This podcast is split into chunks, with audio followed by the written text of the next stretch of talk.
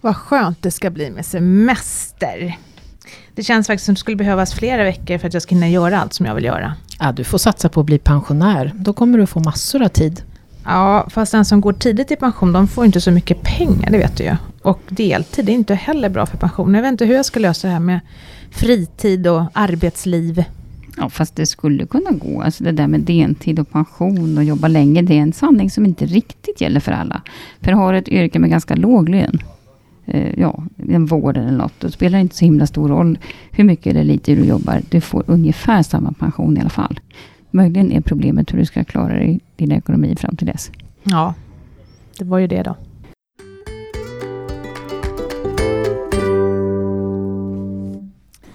Välkommen till Min Pensionspodden. Idag ska vi prata om rättvisa pensioner, eller vad vi möjligen lägger i det ordet rättvisa. En person som arbetar inom vården till exempel får inte högre pension än garantipensionär.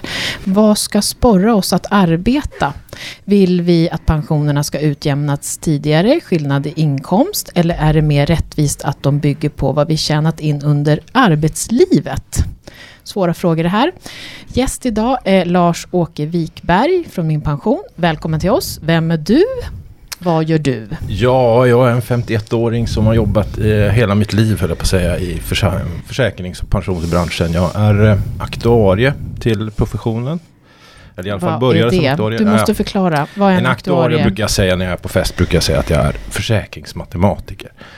Och eh, har jag, jag har jobbat som chefsmatematiker i en mängd olika försäkringsbolag genom åren. Och har eh, också varit VD för KPA Pension eh, fram till 2015. Så jag tycker att jag har en ganska bra erfarenhet i den här branschen. Ja, det låter ju som du har koll. Vad kan vi förvänta oss att få i pension? Det finns ju många som är oroliga för att pensionen ska bli väldigt låg för att de inte arbetar så mycket. Hur, hur ser det ut egentligen? Eh, Det beror på vad du har tjänat. Men för de som inte har haft så hög lön så spelar det inte så stor roll. Det går att tänka tvärtom också. Eh, många som måste arbeta hela livet men kanske haft låg lön får bara några hundralappar mer i månaden i pension efter skatten och som knappt har arbetat alls. Men hur kan det bli så då? Ja, det beror på att vi har faktiskt flera olika system som griper in som skyddsnät. Eh, delvis, dels då det garantipensionssystemet som, som fyller upp kan man säga för de som har haft eh, låg lön. Eh, vi har även ett, ett bostadstillägg eller bostadsbidrag som, som eh, tillkommer och så sen har vi ju skattesystemet som, som då drar av pengar eh, från pensionen. Så om jag har låg inkomstrelaterad pension och om jag har låg allmän pension så får jag garantipension. Om jag sen är ogift och har låg förmögenhet så kan jag få bostadstillägg. Det krävs faktiskt en lönenivå på ungefär 27 000 kronor i månaden för att inte få del av något av de här systemen. Men det är ju ganska mycket pengar. Det är faktiskt väldigt mycket pengar. Om man tittar på eh, hur inkomstpensionssystemet fungerar så är det ett ganska snävt system. Man får, man får full pensionsrätt kan man säga från just de här 27 000 kronorna upp till ungefär ja, lite drygt 40 000 kronor i lön per månad. Så att, Ja, för Eh. sen griper taket in, så betalas det inte in mera pengar till din allmänna precis, pension. precis. Nej. Men det här betyder ju egentligen att det inte spelar så himla stor roll om jag jobbar mycket eller lite, om jag ändå inte har så hög lön. Men det pratas ju väldigt mycket om det här med att man ska jobba heltid och många år. Det här är ju inte riktigt, det, det synkar ju inte riktigt. Nej, men man får ju inte glömma bort att man, man har ju faktiskt lön när man arbetar. Det här gäller ju själva pensionen, när man går i pension. Eh, så att naturligtvis lönar det sig att arbeta. Men du får inte liksom krona för krona om man säger så i, i pensionsrätt eh, bara för att du arbetar. Om du har låg lön. Så det är det här med orättvisa, om vi nu pratar om vad som var rättvis och inte rättvis pension, att man kan bli lite sur om man tycker att man har jobbat jättemycket och så får man inte, det är inte så rätt mycket mer pension än grannen som inte har jobbat så mycket. Precis, och det är ju egentligen det som är den stora frågan, eller egentligen problemet med det här, att man tappar lite grann incitament att arbeta för att få en hög pension. Utan det finns ändå en, det finns en bottenplatta som, som alla får. Eh, och eh, även om du har ganska hög lön så får du inte speciellt mycket högre i, i plånboken. Men var kommer pengarna ifrån då? Ja, pengarna kommer ju från liksom, det allmänna systemet och från arbetsgivarna. Det arbetsgivarna betalar ju arbetsgivaravgifter. Mm. Och eh, det är ju liksom det, ja, det, det är så hela systemet fungerar. Och vi får inte glömma bort, vi pratar ju inte om att vi ska sänka någon form av grundskydd här, utan det är inte det, utan det är egentligen problemet när man hamnar i ett läge när man går precis över när grundskydden står in. Då får inte du så, mycket, så stor, ja, så stor eh, som är mycket mer pension jämfört med om du hade tillhört mm. Den gruppen som får grundskydd. Och egentligen handlar det om att i ena fallet så betalar staten din pension och i andra fallet så betalar du själv. Men, men för dig som individ så blir det ungefär samma pengar. Ja. Mm. Men är det inte bra att alla får ungefär samma pension då? Eller ska dina inkomster under arbetslivet påverka pensionen mer än vad de gör idag? Ja, men hur marknadsförs pension, pensionssystemet? Det får vi inte glömma bort. Eh, man presenterade ju termer av att man tjänar in pension när du arbetar. Men med, med det här skyddsnätet så minskar ju incitamentet att arbeta om skillnaden inte blir så stor när, när vi väl når pensionsåldern. Och det var väl inte riktigt det som var meningen. Nej. Men om vi behöver ha större skillnader, ska vi ha fler fattigpensionärer då? Eller hur löser vi det här? Det är ju många som, som klagar på att de inte får tillvaron att gå ihop som pensionärer. Jag tror att lösningen är ju inte att, att äh, återigen minska äh, skyddsnätet. Men däremot kanske man skulle höja avgifterna in i systemet. Alltså höjer avsättningen helt enkelt. För, så att det lönar sig ännu mer att arbeta. Man får en större, större ja, spännvidd helt enkelt. Mm. Okej, okej, men den allmänna pensionen är ju rätt utjämnande. Men, men, nu pratar ju fler och fler om att det är tjänstepensioner egentligen. Det är där man ska lägga krutet. Hur fungerar tjänstepensionerna? Är det samma system där? Nej, tjänstepensioner där har du verkligen, där har du inga sådana här marginaleffekter om man får kalla det så. Utan där är det ju verkligen krona för krona. Eh, dessutom så eh, oavsett, alltså för varje krona du arbetar in desto, så sätts det av en viss, en viss summa pengar i din pension. Däremot eh, så har man ju kompenserat då höginkomsttagare i eh, tjänstepensionssystemet. Så att om du tjänar över en viss nivå så får du ännu större avsättning. Och det är ju för att kompensera då från det allmänna systemet där du inte får eh, pensionsrätter för, för löner över ja, 7,5 basbelopp. Men om man då har en pension som ligger sådär runt 26-27 000 där den där brytpunkten var. Hur ska jag göra för att få högre pension? Är det bara att förhandla med chefen? Jag undrar om inte man ska vara giftesrik, tyckte jag det låter som här. Ja, vi får skapa en um, äktenskapssajt. Ja, men, ja. Men, men det allvarligt talat så pratas det ju faktiskt eh, det är många som tycker att det här är bekymmersamt, att, framförallt att väldigt många har ganska låg pension. Eh, och då pratar man ju faktiskt eh, en hel del om att man kanske skulle dela på pensionen, både premiepensionen då kan man ju ge bort, och tjänstepensionerna, att man så att säga skulle gå in och flytta pengar här. Vad tänker du om det, Lars-Åke?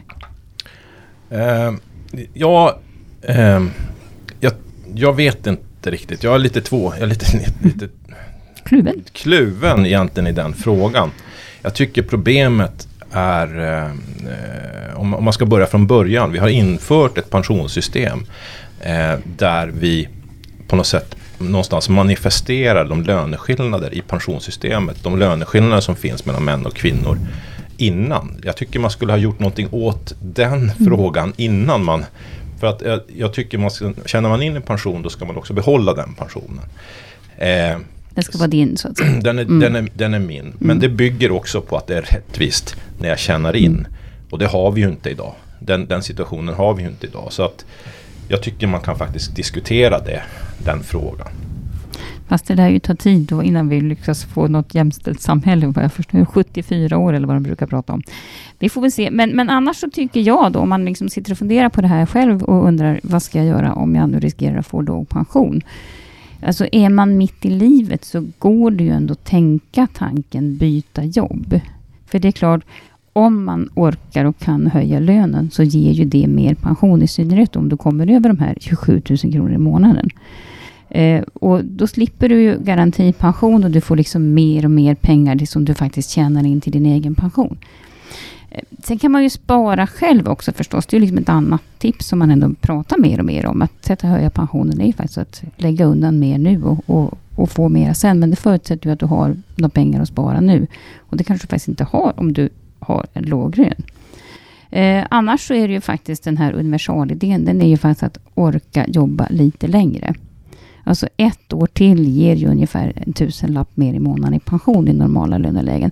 Sen ska man ju veta det att har man garantipension där då, då som man skulle kunna få, då om man jobbar mer så minskar ju garantipensionen. Så här blir det lite knöligt. Men ett tips är ju faktiskt att ta ut pengarna när du har rätt att få garantipension. För att varje månad som du då inte tar ut den här garantipensionen så, så brinner de pengarna inne. Du får ju liksom inte ut dem. Och så jobba på, för lön är ju alltid lön, som vi sa inledningsvis. Att det är klart att det är alltid förmodligen mer lönsamt att tjäna pengar än att få pension. Eh, så att jobba på, ta ut pensionen och kanske eh, garantipensionen minskar lite, men du får å andra sidan högre pension på sikt. Så det tror jag är speciellt om man har jobbat deltid många år och kanske känner att man orkar, så är det naturligtvis en, en ett bra sätt att höja pension. Och sen får vi naturligtvis inte glömma att se till att du har en tjänstepension också. Mm. För tjänstepensionssystemet blir ju viktigare och viktigare för varje individ framöver. Ja. Eh, det måste vara första frågan när man blir anställd. Eh, Alltså, finns det tjänstepensionslösningar? Eh, och dessutom, eh, som, som, eh, vad som händer just nu på marknaden är ju just att man tittar på högre avsättningar just för tjänstepensioner än vad man har haft tidigare. Eh, och det kanske det kan vara lä- lämpligt också att titta efter eh, olika, eh, ja, vilket avtalsområde man tillhör. Just det, shoppa runt lite. Ja. Ja. Men också en liten varning. I, jobbar man inom offentlig sektor så har man ju garanterat kollektivavtalad tjänstepension och det är ju jättebra. Eh, men numera till exempel inom skolvärlden så kommer ju friskolor och även vårdcentraler och andra privatiseras. Eh, och då kanske man liksom bara tror per, per, per automatik att ja, men jag har ju alltid haft tjänstepension och så byter man jobb. Men om du går till privat sektor är det ju faktiskt inte lika självklart. Eh, så att där bör man väl också kolla. Man kanske får högre lön och det låter ju jättebra. Men blir man av med tjänstepensionen har man ju inte vunnit så mycket på affären.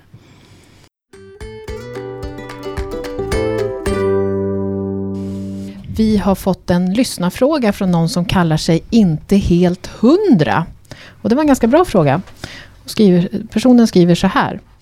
Tack för en bra podd som får mig att engagera mig i min pension tidigt. Jag har en fråga som ni säkerligen kan svara på. Fick ut en del extra den här månaden. Tjänar vanligtvis cirka 29 till 30 000.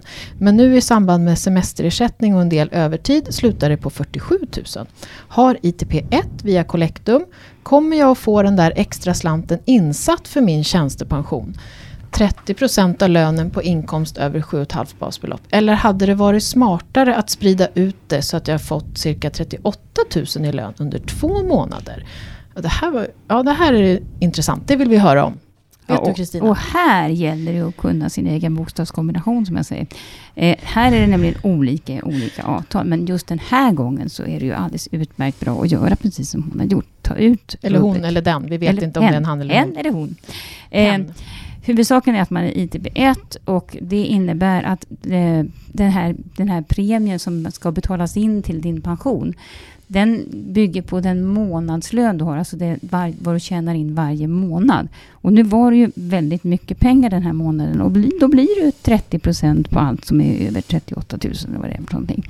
Eh, men däremot i andra avtal så kan det fungera så att man, man räknar årslönen istället. Mhm. Eh, och då kan man ju ha otur. Och så, även om man tjänar jättemycket en månad, så tjänar man så pass så att säga, lite de andra månaderna, så man på totalen hamnar under det här snittet på 38 000. Ja, då får man ju inte den här bonusen den där månaden. Så att, eh, här gäller det faktiskt att kolla lite på vilket avtal man tillhör. Så om man har den där varianten som du sa nu, då ska man alltså be arbetsgivaren kanske att smeta ut det då? Eller? Nej, tvärtom. Nej, tvärtom. Hon, har man en, en, en, ett avtal där det bygger på, alltså varje månad så räknar man ut hur mycket som du ska få in till din pension. Ja. Då är det bra att göra på det här sättet. Eh, och har man otur då så att säga, så har man ett avtal där man räknar årsinkomsten istället. Eh, och då, då spelar det ingen roll. Nej, okej. Och då kan vi ju tillägga att det allmänna pensionen, i det allmänna pensionssystemet, det Där är det orangea, års. där, där är också års, så det hade Mm. inte spelat någon roll där heller. Nej. Så att det, han, han eller hon gjorde helt rätt här. Som, som valde talt på ett bräde. Men har man bonus eller väldigt ojämna inkomster eh, över året så är det bra att ta reda på hur fungerar tjänstepensionen hos mig. Det här är en podd som görs av minpension.se där du kan se hela din pension och göra pensionsprognoser. Vi som har gjort podden idag är jag, Ulrika Loeb, Kristina Kamp, Maria Eklund och gäst i studion var Lars-Åke Wikberg från Min Pension. Vi finns på Twitter, Facebook och glöm inte att prenumerera på podden. Ha en skön sommar. Hej hej! Hej hej!